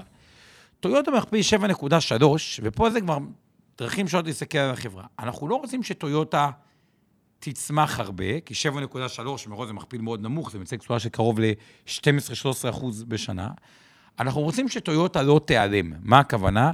שהיא עדיין תהיה רלוונטית לעתיד. כלומר, ההבדל בין מכפיל נמוך זה שאנחנו לא צריכים שדברים טובים יקרו, אנחנו צריכים שדברים לא מאוד רעים יקרו. ובמקרה של טסלה, כולנו ברור שהרווחים שלה יעלו, אבל כבר מתומחר פה שהם יעלו הרבה. ונשאלת השאלה, אם טסלה, הרווחים שלה יעלו רק בקצת, היא עדיין יכולה לרדת. כלומר, השוק מתמחר שהרווחים שלה יעלו ממש אה, אה, בהרבה אה, מהבחינה הזאתי, וזה בדיוק, כלומר, השוק הוא לא, אה, השוק הוא שוק חכם חלקית. מה הכוונה? שהוא באמת מבין שכנראה טסלה היא ברנד יותר חזק מטויוטה. השאלה, האם טסלה מצדיקה מכפיל 171 וטויוטה רק 7.4? לא יודע, לא ברור. אז אה, לי, לי זה כן ברור, שהתשובה היא שטויוטה עדיפה על טסלה. אני חושב שכמעט כל מניה בבורסה עדיפה על טסלה בטרללת של הבועה הזאת. ומצד שני, תיקחו בחשבון שאבנר לפעמים גם טועה. אבנר גם לפעמים טועה, כן. אה, אבל אני חושב שטסלה עלתה הרבה, הרבה, הרבה, הרבה, הרבה יותר מדי, ודוד הזכיר פה בצדק, אפילו הרווח שלה, היא לא באמת מרוויחה כסף, הרווח שלה נבע ממענקים האמריקאים נכון. של הממשלה, לא באמת רווח אמיתי, עדיין מפסידה. ואני לא חושב שזו חברה מעניינת להשקעה, נהפוך הוא. אה, נוטה להסכים עם אבנר במחירים הנוכחיים. מי שבאמת אה, עדיין מאמין בסיפור הזה וחושב, כי עם כל הכבוד, אני אסביר גם למה. כל הנושא של המכוניות החשמליות, לטסלה היה יתרון גדול על כל החברות שאתם מכירים, אבל היתרון הזה הולך ונמחק, כי היום המון חברות, כמו פולקסווגן, הקונצרן של PSA, זה פז'ו סיטרואן, הרבה מהיצרנים הסינים, כבר יש להם טכנולוגיה ברמה של טסלה, וחלק כבר עקפו אותם, הסינים למשל. אז בסופו של דבר, גם אם לטסלה יש מוצר יותר טוב, עדיין, תוך שנה, שנתיים, שלוש זה ייגמר, ובסוף היא סתם תהיה חברה קטנה, עם נתח שוק קטן. אני, אני, אני אגיד לכם מה, מה הבעיה של... יהיה לה לקוח אחד אה, חשוב בישראל, שקנה, פראייר אחד שקנה את האוטו שלה, סבבה. אני, אני אגיד לכם מה, אני ואבנר מכירים כבר הרבה זמן. בכל ביקורות הרכב הם מקבלים ציון על הפנים ש... כמכונית. אני... כי זה פלסטיקים זולים כאלה והכל שם מתקפל. לא סתם אני קורא לזה נייר טואלט. בוא, אתה עוד שילמת לנייר טואלט הזה הרבה כסף, אתה תכיר את זה מקרוב וקרוב. אבנר, יש לו כל מיני... הוא חייב להיות שונה. הוא אוהב נגיד את הצרפתיות ואת הזה, יש לו... הוא אחר, אוקיי, אבנר. לא, אבל אם הייתי אחר, האנשים, הייתי קונה טסלה. רוב האנשים... אני פשוט לא מפגר, אז אוקיי. אני משתדל לקנות מכוניות נורמליות. טוב, בוא, בוא נמשיך הלאה. אבל בכל מקרה, מכפיל, מכפיל רווח כן. גדול שווה ציפייה גדולה. אה, ומהבחינה אה, הזאת, ומשקיע חושב שחברה שתצמח מהר מאוד, במשך תקופה ארוכה, אה, ארוכה ומסוגלת לקחת נתח שוק או רווחים גבוהים מאוד בעתיד, ומודל עסקי מנצח, יש היגיון אה, להשקיע אה, בחברות גם במכפילים גבוהים, ואני רוצה להראות רגע דוגמה. אז בואו רגע נמשיך עם עוד איזה שקף אחד קדימה. עוד רגע. איש הסדר עדיין קונים, כן. זו נקודה חשובה, אני רוצה להתעכב על ההערה הזאת, רק של אה, באמת, אה, אה, שלפעמים יש הפסד ועדיין המניה עולה. אנחנו מדברים על מכפילי רווח, כאילו שכל החברות האלה שאנחנו מדברים עליהן, שהן בבורסה, הן מרוויחות כסף כל הזמן. יש המון המון חברות, בעיקר בתחום ההייטק, שמפסידות בכלל כסף כבר שנים. תראו את וויקס, למשל, הישראלית, המאוד מאוד מצליחה. החברה של, אתם מכירים אותה, עם הפלטפורמה של אתרי אינטרנט ובנייה עצמית וכולי.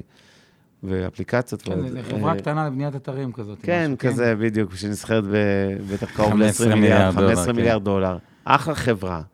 היא עדיין מפסידה כסף. עכשיו, למה הם בכל זאת משקיעים קונים אותה? זה בדיוק מתחבר לדיון שעשינו לפני עשר דקות על המכפיל, על הרווח אחורה לעומת הרווח קדימה. אם החברה הפסידה כסף, והיא עדיין מפסידה כסף, אז המכפיל תיאורטית על העבר שלה הוא אינסופי, נכון? כי אה, זה בכלל במינוס. אבל המשקיעים מאמינים שהחברה שמשקיעה המון כסף בצמיחה, היא משקיעה הרבה בשיווק והיא צומחת בהכנסות בצורה מאוד מהירה, נניח בעוד שנתיים, שנה, שלוש, היא כן תרוויח כסף, ואפילו הרבה מאוד כסף, ולכן המשקיעים מוכנים לקנות מניות גם של חברות שמפסידות כסף, ולשלם עליהן הון עתק. וזו דוגמה אחת, וויקס, יש הרבה כאלה. ובגלל שאבנר אומר את זה, בדיוק השקף הבא, הכנתי דוגמה למה שאבנר אומר. יאללה, הפתעת אותי. הפתעתי אותך, כן. גם תרנגול עיוור, מוצא גרגר פעמיים ביום, זה אני התרנגול עיוור, הוא דווקא אחלה. כן. אז אה, בוא... בוא נ... אז באמת, אחת מהדוגמאות הטובות, אמזון. זה אמזון. שימו לב, אמזון, ה, אה, באמת, המכפיל רווח שלה, אה, מי שקנה במכפיל רווח 600 בעבר, שהיה מכפיל רווח מאוד מאוד גבוה, עדיין עסקה טובה, עשה עסקה אה, טובה. אתם יכולים לראות שהיום המכפיל רווח של אמזון, הוא אפילו יותר נמוך ממה שהוא היה בעבר. כלומר, היום הוא רק 100 או, או, או, או הרבה יותר נמוך. מה בעצם קרה באמזון? למרות שהמניה עלתה, ושימו לב, המניה עלתה מ-200, כמה זה? מ-250 דולר, לא, מ-400 דולר ל-1,882 דולר, כלומר, המניה עלתה פי 4, זה אומר שאם היה לכם 1,000 שקל, יש לכם 4,000 שקל, או 10,000 שקל, יש לכם 40,000 שקל, כלומר, המניה עלתה 376 אחוז. ובכל זאת המכפיל רווח ירד. איך זה יכול להיות? כי הרווחים עלו הרבה יותר מאשר המניה עלתה. לדוגמה, הרווחי, אם הרווח של החברה עולה יותר מאשר המניה עצמה, אז באופן יחסי היא יותר זולה. כלומר, אם המניה עלתה ב-100% והרווח עלה ב-200%, ברור. באופן יחסי היא יותר אה, קודם, כן. אה, זולה. אה, ובואו נראה עוד אה, דוגמה. לקחתי שתי חברות, אחת זה UPS ואחת זה FedEx. UPS ו-FedEx הם די דומות במה שהן עושות, אין יותר מדי הבדלים, הן שולחות דואר, בתקווה שהדואר יגיע. אז בואו נגיד שבאמת, אם שתי החברות עושות אותו דבר, FedEx ו-UPS, United UPS, ואנחנו רואים שבתקופה... רק תזכיר לכולם מה עושות FedEx ו-UPS, לא כולם מכירים את החברות האלה. אותם. אני חושב שהרוב יודעים פה, זה חברות משלוחים שמזמינים באינטרנט, אפרופו חברות e-commerce ואמזון. חבילה מגיעה, הרבה פעמים זה פדקס, שבעצם מטוסים שלה ואנשים שלה הם אלה שהביאו לכם את החבילה הביתה. נכון. אז באמת, פדקס נסחרה באיזו תקופה במכפיל רווח 11, ו-UPS נסחרה במכפיל רווח 14, שבאמת, אני לא חושב שלמישהי אה, היה יתרון אה, תחרותי אה, מובהק אחת על השנייה. אז לאיזה חברה יש מכפיל נמוך יותר? במקרה הזה זה פדקס. אז אם מדובר בחברות שמאוד דומות אחת לשנייה, סביר להניח שלחברה עם המכפילים היותר נמוכים, יהיו ביצועים יותר טובים בעתיד. כלומר, על פניו נראה שפדקס הייתה יותר זולה מאשר UPS. כן. ובאמת, אם אנחנו מסתכלים על תקופה אחרי זה, אז UPS עלתה, היא עשתה 37 אחוז, אבל פדקס עלתה יותר, היא הייתה צריכה, היא עלתה 76 אחוז. נכון. כי, כי, כי באופן יחסי היא הייתה יותר זולה. בואו נדבר כמה מילים על נייקי, ואז נעבור לקהוט. כן. אז נייקי, אין ספק שזה brand חזק. אה, אגב, מייקל ג'ורדן גם מאוד מאוד העלה את ה... אחת העסקאות היותר טובות ש... שהם עשו.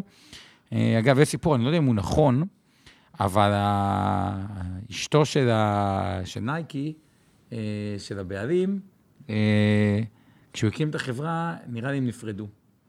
והיא אמרה לו, הוא אמר, הגיע לחצי מהחברה. אמר, לא, אתה כלומניק, אתה לא תעשה כלום, עזוב, אתה תביא לי את האוטו, לא רוצה את החברה שלך. ואז אתם צוחקים על זה שזה האוטו הכי יקר אה, בהיסטוריה. שהיא לקחה אוטו במקום חצי מנייק, אני לא יודע אם זה נכון. אבל אה, החברה הוקמה בשת, בשת"פ עם המאמן האגדי ביל... אה, ביל מה? לא משנה, כן, ביל... אוקיי. ביל משהו. אה, ג'ורדן התחיל את המהפכה האמיתית בהסכם עם כל הנייק, אה, סדרת ה-Air, שאתם יכולים לראות פה אה, Air Max וכל מיני Airים למיניהם, ובאמת החברה הצליחה. Air Jordan היה. Air Jordan. כן. המניה של נייק בהשוואה להכנסות. אז פה אנחנו יכולים לראות שבתקופה האחרונה, ההכנסות עלו ב-8.41 אבל המניה עלתה ב-128 אגב, המניה הזאת, שאנחנו נסתכל על הגרפים אה, אז נכון להיום, רגע, בואו נראה את הגרפים הארוכים שלה, ואז אה, נחזור. אז קודם כל, החברה היום, בגלל שהמחיר מניה עלה הרבה יותר מהכנסות, החברה היום נסחרת במכפיל רווח של קרוב ל... אה, מעל 80. קרוב ל-80, או 70 ומשהו. זו לא יקר באינטואיציה ראשונה לחברה כמו נייקי, מכפיל רווח 70 אה, או 60. מצדיק או לא מצדיק? המכפיל הזה. או, תמיר, צודק. אז על פניו בואו נראה אם זה זה. האם נייקי לדעתכם, במכפיל רווח אפילו מעל 50, מוצדק או לא מוצדק? אה, אתם יכולים לראות פה שהמכפיל... AF, שאני לא יודע מי מאחורי הכינוי AF, אבל הוא, הוא או היא תותח או תותחית, כבר ראיתי מהתשובות הקודמות. כף תף, לא מוצדק. כף תף, לא מוצדק, יפה. גם AF אומר שלא מוצדק. כותב פה, לא מוצדק, בואו נראה עוד. מכפיל רווח 60 או 50. אז אני חושב ש... אה, הרוב כותבים אה, לא, לא גם עמית ורועי, לא מוצדק. ואני. מאוד מאוד נוטה להסכים איתכם, ואני מאוד שמח על התשובות. חברה כמו נייקי היום, קשה לי להצדיק את אה, המכפיל שהיא אה, אה, נסחרת בו, ואני פשוט חושב שלמרות שהחברה היא מדהימה והמוצר הוא מדהים, בהתחשב במכפיל רווח, פחות, אה, פחות מתחשק לי לקנות אותה. ולמרות זה, בואו נראה, אבל שלמרות כל מה שאנחנו אומרים, גם אם קנינו חברה טובה במכפיל קצת גבוה, אבל החברה היא טובה, עדיין לאורך זמן אנחנו אה, אה, נרוויח. אה, בואו בוא נראה קצת מה עשתה המניית אה, נייקי, אבל מאוד אהבתי את התשובות, וזה בהחלט מראה על הבנה אה, גבוהה. אז בואו נראה רגע מה נייקי עשתה לאורך השנים. כולם הסכימו פה שנייקי חברה טובה, עם מוצרים אה, טובים, אה, משנים את האופנה, חדשנית, פה קצת אה, תמונות, תמונות עוד אה, עם טרנדים חדשים. אה, בואו נמשיך הלאה. יפה, אבל אתם יכולים לראות שסך הכל... אה, מי שהשקיע בנייקי... עשה תשואה טובה, 900 אחוז. עשה, וזה לפני דיבידנדים, 900 אחוז. אה, רגע, שנייה, שנייה, שנייה, שנייה, שנייה, שנייה. לא, זה, רגע, עכשיו, השאלה היא, שנייה, שנייה, שנייה. ופה עשיתי דווקא שאלה. כשאנחנו רואים את הגרף הזה, וזה מה שאני רוצה לראות לחברה טובה, למה אני אוהב מניות. כשאני רואה את הקו הזה, מה הדבר הראשון שעולה לי כשאני בא לקנות את המניה, שאני רואה פה את המחיר הזה? בא לי לקנות אותה או לא בא לי לקנות אותה? מה עובר לכם? אבנר, מה עובר לך כשאתה רואה את הגרף הזה? פחד? אני, קצת, אינטואיטיבית, אנשים אה, קצת מפחדים באופן פחד, טבעי. פחד גבהים, לא תמיד באמת. זה נכון לפחד, אבל יפה, ברור אבל, ש... אבל כשאתם רואים את הגרף הזה, שהוא גרף הזה, מתחשק לקנות או לא מתחשק לקנות? ופה אני רוצה להראות מסר שהוא חשוב, בואו נראה קצת את התשובות של האנשים. אה, בואו נראה מה האנשים כותבים. אוקיי, אני מעריך שאנשים כותבים שיש להם טיפה, אה, מבלי לראות את ה, אה, מה שאתם כותבים, מעריך שהם כותבים ש... למה מבלי? אפשר לראות. בואו נראה. לא, לא, לא. לא, לא. לא, לא. אז, לא, לא, לא. לא, זה מקודם. אז מה שאנחנו רואים פה זה שנייקי עלתה אה, המון. יש חשש. עכשיו אני רוצה להראות לכם את הגרף הבא, אוקיי? אה, בואו נמשיך הלאה. עכשיו, מה שאנחנו רואים פה, רגע, זה, זה הנקודה של מקודם. אתם רואים את הכוכב שבאמצע המצגת הזו, באמצע הגרף הזה? זה מראה, אם קניתם את המניה בערך בשנת 97, באותה נקודה ששאלנו אתכם אה, כשראיתם את הגרף הקודם, האם זה מפחיד, לא מפחיד, ואנחנו רואים בעצם... תוך עשר שנים, היא עוד פעם הכפילה את עצמה. אה, נכון. למרות שהייתה איזושהי ירידה. כלומר, פה אנחנו רואים שלמרות שהיא עלתה ב-900 אחוז, היא עדיין הכפילה את עצמה אחרי עשר שנים. ואם אנחנו נסתכל על עוד עשר שנים, למרות שגם פה יש פחד גבהים, אתם יכולים לראות שפתאום כל הנקודות נראות מאוד מאוד מצחיקות. כלומר, פתאום המניה היא על 143, שאני מזכיר, הגרף הראשון שהראינו ב-1981 זה ב-2. כלומר, גם כן. הנקודה שכביכול נראתה אה, יקרה, והנקודה אחרי זה שנראתה יקרה, בהסתכלות ארוכה, אם החברה היא טובה ויש שם מודל טוב, אה, מניה יכולה לעלות ולעלות. אה, כן, תיאורטית עד אה, אינסוף, אם תסתכלו על הגרף של טסלה, זה היה נראה ככה. אה, אבל אה, כן, אני, אני, אני כן רוצה לחדד פה עוד נקודה חשובה, כי הרבה פעמים אה, אתם כמשקיעים מסתכלים על הגרף של מניה ואומרים, אוקיי, זה נראה לי נורא יקר, כי היא כבר עלתה המון המון המון, ועכשיו זה לא זמן טוב לקנות. אז אני אגיד ככה, יש קודם כל הבדל בין מניה זולה להשקעה טובה. לא תמיד מניה שהיא זולה, כלומר שהיא ירדה, נקרא לזה ב-90 אחוז, לא זולה, אני אדייק, מניה שהתרסקה, לא תמיד היא השקעה טובה, אוקיי? כי יש בה הרבה פעמים חברות, שאפילו המניה שלהם ירדה ב-90 אחוז, השקעתם 10,000, עכשיו היא ב-1,000. עכשיו בא מישהו ושואל את עצמו, רגע, אני רואה את המניה הזאת ב-1,000, היא הייתה, לפי הגרף, פי 10 רק לפני שנה. אולי זה זמן טוב לקנות. עכשיו, חברות יכולות גם להיסגר, יש חברות שפושטות רגל, מי שיקנה אותה ב-1,000 שקל, יכול להיות שיפסיד את כל 1,000 שקל ויישאר עם 0, אוקיי? יפסיד 100 אחוז. למרות שהוא ראה את המניה במחיר מאוד מאוד אה, זול לכאורה. ואותו דבר הפוך, לא תמיד, כשאתם רואים מניה בשיא מסוים, כמו שראינו פה בדוגמה המצוינת שעופר הביא, זה אומר שלא אה, כדאי לקנות אותה. אה? לא קוראים לי עופר, קוראים לי עומר. אמרתי עומר, לא? סליחה. לא משנה, מה אמרתי? לא נורא. סליחה, סליחה, עופר. אה, בקיצור, אז הרבה פעמים אתם רואים מניה שכמו שראינו בדוגמה הזאת, שאם הייתם עוצרים את הגרף הזה לפני, בשנת 97, הייתם מפחדים לקנות את המניה, כי היא כבר עלתה ו... מכלום ל-9 דול, דולר, ועכשיו פתאום אתם רואים שהיא בעצם בדיעבד המשיכה והרוויחה עוד ו... הרבה מאז. ובדיוק בשביל זה יש לנו את המונח מכפיל רווח, שהוא נותן לנו היום. איזושהי אינדיקציה, רגע, עזבו כמה היא עלתה או כמה היא ירדה. נכון. איך התמחור שיחסית לרווח? יאללה, הגענו לזמן של קהות טיים. יאללה. אורי, תן לנו את הבקהות. יש את הקהות. בואו נראה אם הבנתם, בואו נראה אם הצלחתם.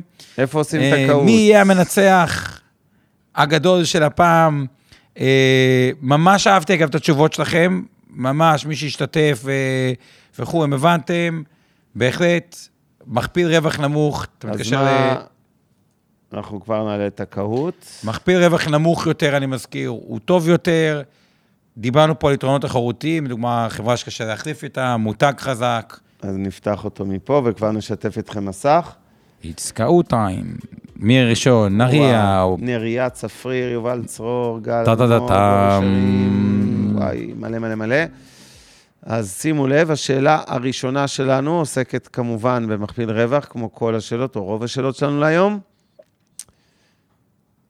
ולאיזה חברה יש מכפיל רווח יותר גבוה? האם לאפל אדום, פורד כחול, MMM כתום וגאפ, חברת הבגדים. אנחנו נעשה שיתוף מסך כדי שמי שלא איתנו גם יראה את המשחק. בואו נראה אה, האם ידעתם. אז התשובה היא כמובן אפל, הראינו את זה, מכפיל של מעל 130, סליחה, מכפיל 31, מכפיל גבוה מאוד. אה, והשאלה הבאה, איזה חברה עדיף לקנות, אוקיי? את המניות של איזה חברה. האם חברה עם מכפיל גבוה, אבל עם צמיחה נמוכה, מכפיל נמוך עם צמיחה שלילית, כחול, מכפיל גבוה אבל לא צומחת, או מכפיל בינוני אבל צומחת מהר. והתשובה היא נכונה, הנכונה היא ירוק, מכפיל בינוני עם צמיחה גבוהה. הנושא של הצמיחה הוא מאוד מאוד חשוב. מתי בדרך כלל יהיה משבר פיננסי, מפולת במניות, ירידות חדות במניות? האם כשהמכפילים מאוד נמוכים, אדום, כשהמכפילים מאוד גבוהים, כחול, אי אפשר לדעת כתום, או כשיש שינוי קיצוני במכפילים. באיזה מצב אנחנו נראה משבר פיננסי ומפולת בשוק המניות. בואו נראה, אה, כן, אה, צדקו הכחולים, כשהמכפילים מאוד גבוהים, יש לנו אה, הרבה פעמים מפולת במניות. יכול להיות שהיום, אמרנו קודם, המניות יחסית יקרות, המכפילים גבוהים, יכול להיות שאנחנו לפני תקופה של ירידות, אי אפשר לדעת. מהי הדרך המהירה ביותר לחברה או לעסק? להעלות את המכפיל שלו, היא רוצה להעלות. מה היא צריכה לעשות? האם לשנות את המודל העסקי אדום, להגדיל את העסק כחול, לעשות אותו דבר כתום, או להקטין את העסק? מה היא צריכה כדי להעלות את המכפיל שלה? אז התשובה הנכונה, ופה מפתיעה, הרוב לא ידעו, היא לשנות את המודל העסקי, ואני חושב שגם התשובה הכחולה של להגדיל את העסק הייתה נכונה, אבל נתקדם. מה זה אומר כשיש למניה מכפיל גבוה? מה המשמעות של הדבר הזה? אדום, כשהמשקיעים מצפים לצמיחה גבוהה קדימה, שהרווחים של החברה יגדלו, כחול, שאין עתיד לחברה, כתום, שיש לחברה בעיה, או ירוק, שהמשקיעים מצפים לצמיחה נמוכה. מה מכל אלה, אה, מה קורה כשיש מכפיל גבוה? אז התשובה היא שהמשקיעים מצפים לצמיחה גבוהה, אוקיי? אם אנחנו משקיעים בחברה ואנחנו רואים שהמכפיל שלה הוא גבוה, זה כנראה כי אנחנו מאמינים שבעתיד היא תרוויח הרבה יותר כסף. לאיזה סקטור, איזה תחום במשק, נניח אופנה, הייטק וכולי, יש בדרך כלל מכפיל גבוה יותר. האם לסקטור הטכנולוגיה, הייטק, זה אחד, זה אדום, סקטור האופנה, ביגוד, אה, כחול, סקטור הספרים, מניות של חברות ספרים, כתום, או בנייה ונדל"ן ירוק. איפה תראו את המכפיל הכי גבוה בדרך כלל? כולכם צדקתם, אה, אה, חברות הייטק זה הסיפור. ושאלה מספר 8, אם אני רוצה להשקיע בחברה אחת, ויש לי שתי חברות עם מודל עסקי דומה, מה, לפי מה אני אחליט באיזה מהשתיים אני רוצה להשקיע? האם לפי מכפיל רווח, אדום, ההוצאות של החברה, כחול, ההכנסות שלה, כתום, או המחיר של המניה? לפי מה אני בעצם מחליט באיזו מניה עדיף להשקיע משתי אמ, אה, חברות שהן דומות יחסית? אני אופתע אם לא כולכם תענו פה את התשובה הנכונה אדום. הופתעתי, אבל uh, כמעט כולם צדקו, וזה uh, אדום. הלאה, שאלה מספר 9, איך מחשבים uh, מכפיל רווח, אוקיי?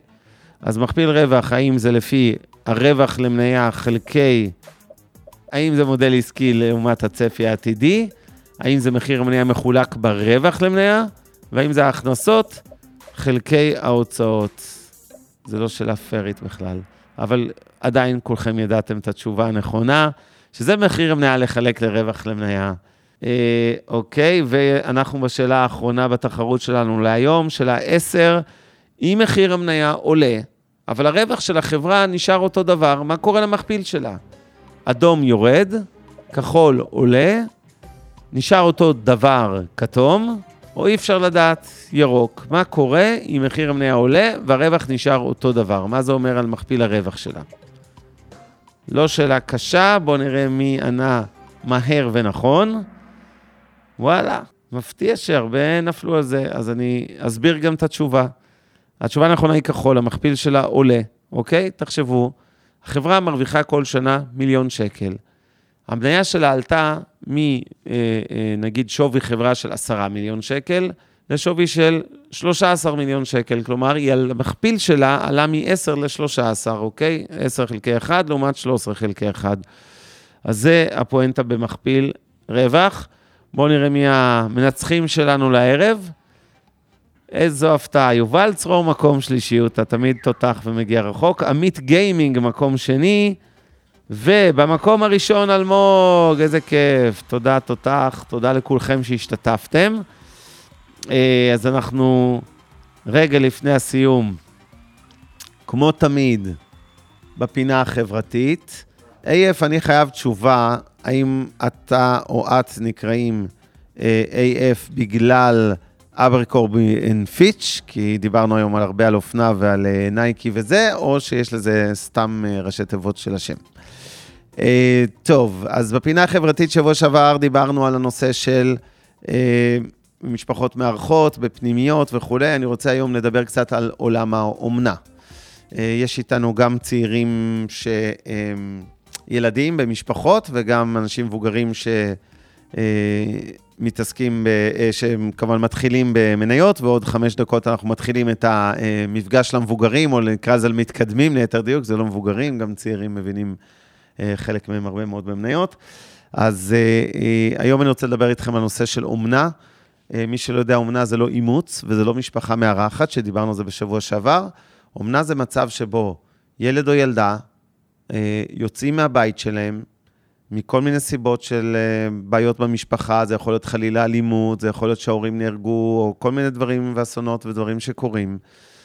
ורשויות הרווחה, ביחד עם בית המשפט, רשויות הרווחה המליצו, ובית המשפט החליט שילד צריך לצאת מהבית, ואז הרבה פעמים הוא יכול ללכת לאחד משני מקומות, או לפנימייה, או למשפחת אומנה. משפחת אומנה זה בעצם אומר משפחה שתיקח אותו, לפעמים זה זמני, לפעמים זה קבוע לשנים רבות, זה לא אימוץ, הילד יגדל איתם בבית, ובעצם אה, התפקיד של המשפחה הזו היא כמובן לגדל אותו כמו כל ילד אחר, ולדאוג לו לבית ספר, לימודים ומזון וכל מה שצריך.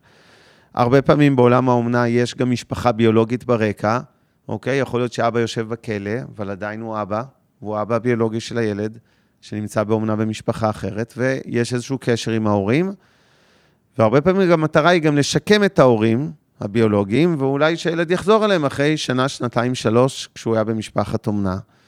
אה, זה עולם מרתק, כיפי, לא נורמלי. אני עשיתי את זה, אני מכיר אותו טוב טוב. אה, אצלי זה גם, לשמחתי, נגמר באימוץ ממש, ולא רק נשאר אומנה. אבל אני ממליץ לכל מי מכם ששוקל אה, לעשות את זה, יש היום בערך 65 ילדים שמחכים למשפחות אומנה, אוקיי? בשביל להיות משפחת אומנה, אתם עוברים איזשהו תהליך, כמו הריון, רק בבירוקרטיה יותר של בדיקות, ובעצם... אה, בודקים את המשפחה, את ההורים, את הילדים, אם יש ילדים. אה, משפחות אומנה, אגב, יכולות להיות גם משפחות אה, לא קונבנציונליות במרכאות, גם אימהות או משפחות יחידניות, שיש רק אבא או אימא, גם זוגות מבוגרים. וזהו, וזה כיף לא נורמלי, וכמו שאמרתי, בגלל שחסרים הרבה מאוד משפחות, אז אתם מוזמנים לבדוק את הנושא הזה. מי שגר באזור גדרה חדרה, אז אור שלום זה עמותה שאתם מחפשים. ואני מתנדב שם כבר בערך עשר שנים, כך הגעתי לילד שלי אה, משם, וזה סיפוק מטורף. תאמינו לי, מומלץ בחום. גם הילדים הביולוגיים שלי, הבנות שלי, מאוד אהבו את זה, ואני חושב שזה רק תרם למשפחה, ואני ממליץ לכם בכיף. ומי שרוצה להתייעץ על התחום הזה, אז אני סוג של פרופסור לאומנה בישראל, אז אתם מוזמנים לפנות אליי באישי. תאתרו אותי בפייסבוק, תאתרו אותי בנייד שלי, 050-344-3030, ואני אשמח לענות לשאלות על הנושא הזה. ועם זה אנחנו מסיימים את המפגש של החבר'ה הצעירים. אני רק אה, אזכיר, דיברנו היום איתכם על אה, כל הנושא של אה, מכפילי רווח. המשכנו בעצם את המסע שלנו להסביר על מניות ומה זה מניות. אז אנחנו רוצים בעצם להזכיר לכם שבעצם מכפיל הרווח זה. השווי של החברה או של המניה מחולק ברווחים שלה. הראינו הרבה מאוד דוגמאות, התמקדנו בדוגמה של נייקי, שמותג שאתם כולכם מכירים. דיברנו על עוד שיקולים בקניית המניה, המודל העסקי של החברה, היתרון התחרותי, המותג עצמו, עד כמה הוא חזק, ובסך הכל אני חושב שהבנתם לא רע את הפרינציפ, אנחנו נמשיך להתעסק במניות גם בשבוע הבא לא לדאוג. והנה הגענו לשעה תשע.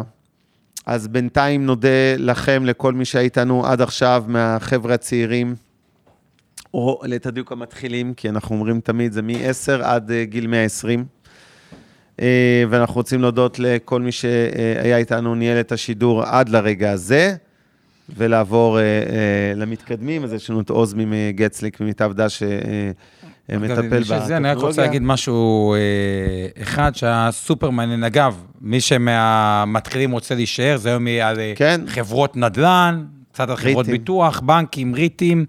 אה, אבל משהו אחד שהיה מאוד מעניין, דווקא בזה עם הצעירים, שאני אסכם אותו, ואני חושב שזה גם חשוב שהחבר'ה המתקדמים ישמעו. דיברנו מכפיל רווח, קצת על יתרון תחרותי וכו', וזה לא סוד שהשווקים, איך אנחנו בשווקים? עליות, שווקים כן. אה, אה, עולים. ודווקא זה היה מאוד מעניין בכביכול הצעירים, שקרנו חברה כמו נייקי, שכולם מסכימים שנייקי הוא מותג אה, אה, חזק וטוב, אבל הוא נסחר במכפיל רווח גבוה, גם מכפיל רווח עתידי, שדיברנו על מכפיל רווח עתידי של אזור ה-50, ושאלנו במתחילים, אחרי שראינו את אה, אה, אפל ונייקי. אפל נכון. הייתה מכפיל רווח אה, 31, ונייקי מכפיל אה, רבע חמישי. וגם בלי להבין המון בהשקעות, או יש שם כאלה שמבינים יותר, כן הייתה הסכמה גורפת, שנגיד נייקי מכפיל רבע חמישים, כולם הסכימו שזה קנייה טובה או לא טובה? טובה. לא טובה. לא טובה. בדקתי אותך, כל הכבוד. אבל עצם זה, מה שאני רוצה להגיד, הפואנטה היא שאפילו כשמתחילים ללמוד השקעות ואת הביטויים, ניתן לראות שחלק מהמניות הן לא זולות. אגב, לגבי אפל אה, היה ויכוח, האם היא מצדיקה מכפיל 31 או לא. חלק אמרו שכן, חלק אמרו שלא. אגב, דעתי גם מעט גבוה מדי, אני ואבנר לשם שינוי... מסכימים על משהו? מסכימים על משהו. Mm-hmm. ובטויוטה טסלה, בואו נפתח את זה, כי כל פעם שאני אומר את המשפט... לא, לא, אה, תמיר אמר, אגב, שעדיף לקנות את הנעל מאת המניה של נייק, ויכול להיות שהוא צודק. את ה... זה, אז, אז אני רק אומר, עכשיו, למה אני אומר את זה על ההתחלה? למה אני אומר את זה על ההתחלה? כי לפחות בכמה סקטורים, בין השאר טכנולוגיה, אני מתחיל להרגיש אוויר גבהים, אוויר פסגות. לא הכי בנוח. עם המחירים. אה, עם המחירים, והדוגמה הכי טובה לזה, יש מדד שנקרא מדד של החברות הלא רווחיות, טכנולוגיה. כן. והמדד הזה עלה, לדעתי, איזה 300 אחוז בתקופה של החברות הלא... רק שחברות מפסידות, איזה כיף. כן, אומרים, אה, זה חס וחלילה שלא נרוויח כסף, כי עוד ימדדו אותנו לפי אה, מכפיל רווח, עדיף להיות הפסדיים, זה כן. הטרנד החדש, אבל בוא נחזור אליך. טוב, אנחנו uh, מתקדמים. Uh, כל החבר'ה הצעירים שהיו איתנו בזום למתחילים מ-7 וחצי עד 9, מי שרוצה להישאר מוזמן, אבל עכשיו הרמה הולכת לעלות, אז uh, יכול להיות שחלקכם ילך לאיבוד. סיימנו פרק נוסף של השקעות למתחילים, אתם יכולים למצוא אותנו בכל אפליקציות הפודקאסטים, לחצו על עקוב כדי להישאר מעודכנים בפרקים החדשים. אם הסדרה מעניינת אתכם ואתכן, אז אתם מרגישים שהרווחתם ידע שימושי על עולם ההשקעות, אנחנו גם מבקשים ומזמינים אתכם לשלוח את הפודקאסט הזה לכל מי שאתם חושבים שיכול להרוויח מזה. תודה לעמי ארביב, האור חלמיש, אורן ברסקי מהצוות של אינבסטור 360, תודה לאור גצליק מהצוות של מיטב דש, וכמובן לשם הפודקאסטים ויצירות סאונד, נשתמע בפרקים הבאים. השקעות למתחילים אבנר סטפאק ועומר רבינוביץ' עוזרים לכם בצעדים הראשונים בעולם ההשקעות. מעוניינים ללמוד יותר על עולם ההשקעות? האזינו לפודקאסטים נוספים שלנו. המשקיענים, אבנר סטפאק ועומר רבינוביץ' בתוכנית אקטואלית עם כל מה שחם בעולם ההשקעות. Investor 360 Live, אורן ברסקי ועומר רבינוביץ' מארחים את בכירי שוק ההון ומבינים את הטרנדים החשובים לשנים הקרובות. להבין את סין עם יובל ויינרב, עם כל מה שרציתם לדעת על הענקית מהמזרח, השקעות להייטקיסטים עם צח איציק, שיבנה איתכם תוכנית כלכלית להגשמת החלומות שלכם, והפודקאסט ההשקעות למתחילים, לכל מי שעושה את צעדיו הראשונים בעולם ההשקעות.